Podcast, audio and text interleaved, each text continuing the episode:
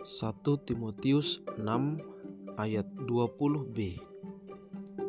Hindarilah perdebatan yang bodoh dengan orang-orang yang membanggakan pengetahuannya tetapi yang justru memperlihatkan kepicikannya